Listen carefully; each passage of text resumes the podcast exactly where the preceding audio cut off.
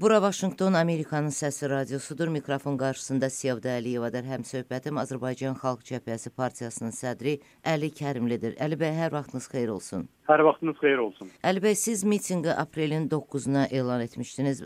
Lakin Bakı meriyası mitinqin 8-də keçirilməyi ə, münasib gördü. Bunu nə ilə izah etdilər?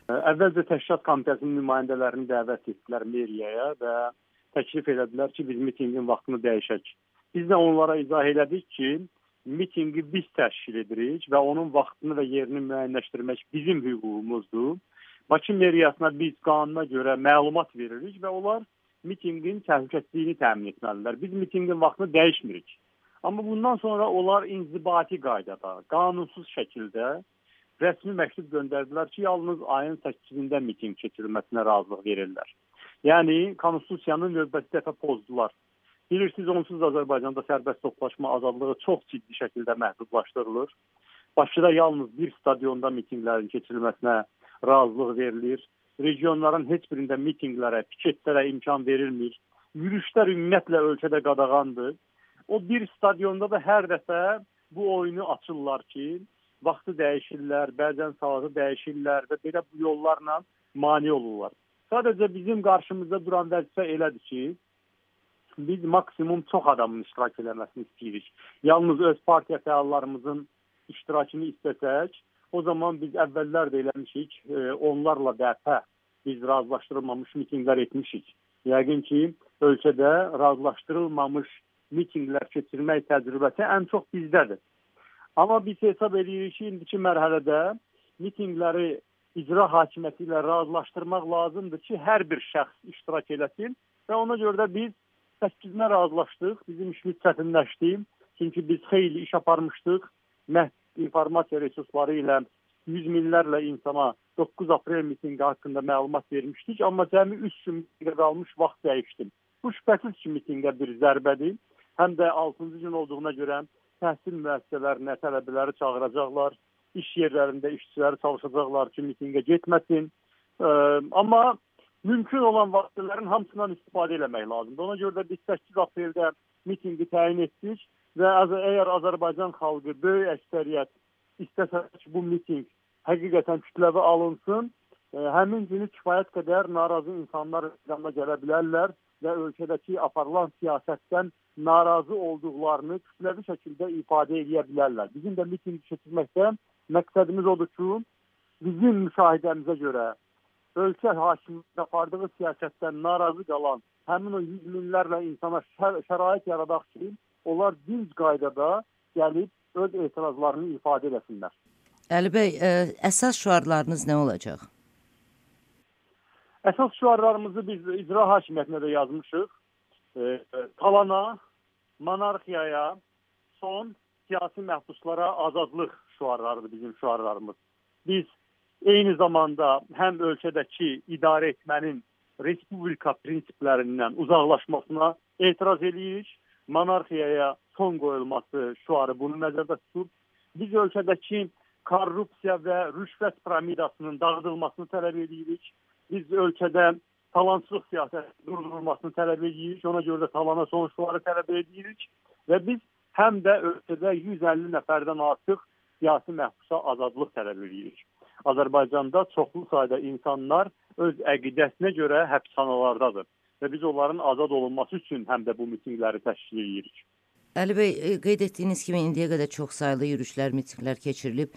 Sizcə e, çağırış, çağırışlarınız hökumətin münasibətinə nə kimi təsir edə bilər? E, açıq demək lazımdır ki, avtoritar rejimlərdə yalnız kütləvi keçirilən mitinqlər, nümayişlər nəticə yarada bilirlər.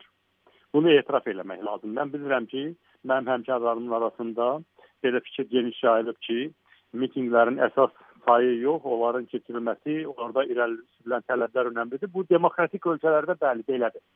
Amma Azərbaycan hakimiyyəti kimi hakimiyyətlər yalnız güc ilə hesablaşır. Və ona görə də biz hələlik son illərdə hakimiyyətin qorxa biləcəyi kütləviliyi ortaya qoya bilməmişik. Yalnız 1 sentyabr mitinqində hiss olundu ki, hökumət son illərdə ilk dəfə qorxdu. Ondan sonra da növbəti mitingdə yolu bağladılar, adam həbs elədilər.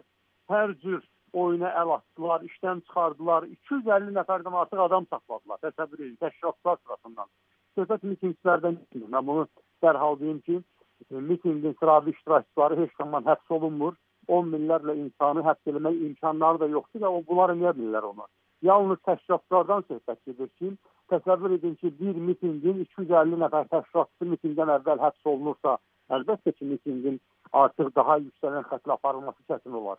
Demək istəyirəm ki, biz yalnız ötən ilin 11 sentyabr mitinqində hökuməti ciddi narahat eləyəcək kütləviliyi ortaya qoymuşuq. İndi daha yaxşı nəticələr əldə etməkdən ötürü insanlar kütləvi şəkildə mübarizəyə qoşulmalıdır.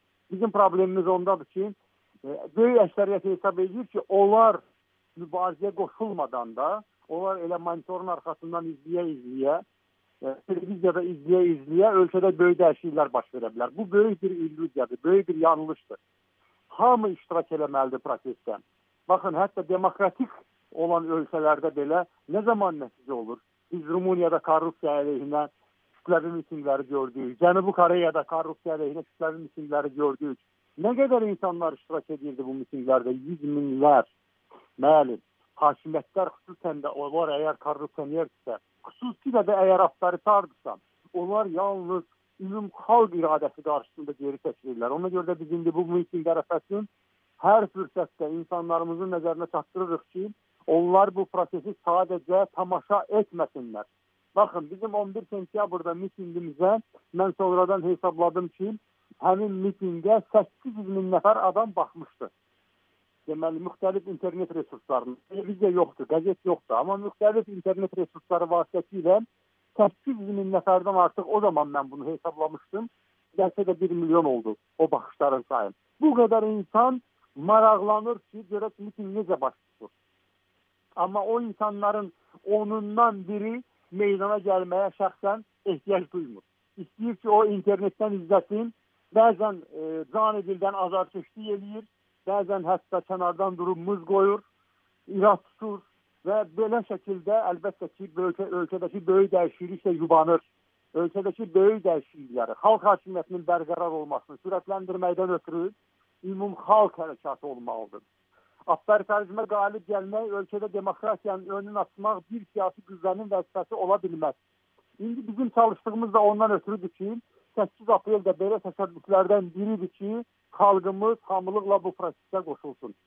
Əli bəy, ə, e, xalqı siz qeyd etdiyiniz kimi kütləvi etirazlara cəlb etmək üçün siz hansı işlər görürsünüz? Bizim e, informasiya resurslarımız çox məhdudlaşıb. Xüsusilə bu dəfə çox məhdudlaşıb. Baxın, payızdan hökumət e, Türkiyə hakimiyyəti ilə müəyyən bir işbirliyi nəticəsində aynesi qurban verərək e, Azərbaycan saatının Türksatdan yayınlasının qarşısını aldı. Azərbaycan saatı Türksatdan yayınlananda 100 minlərlə insana həmin e, deməli proqram xitab edə bilirdi.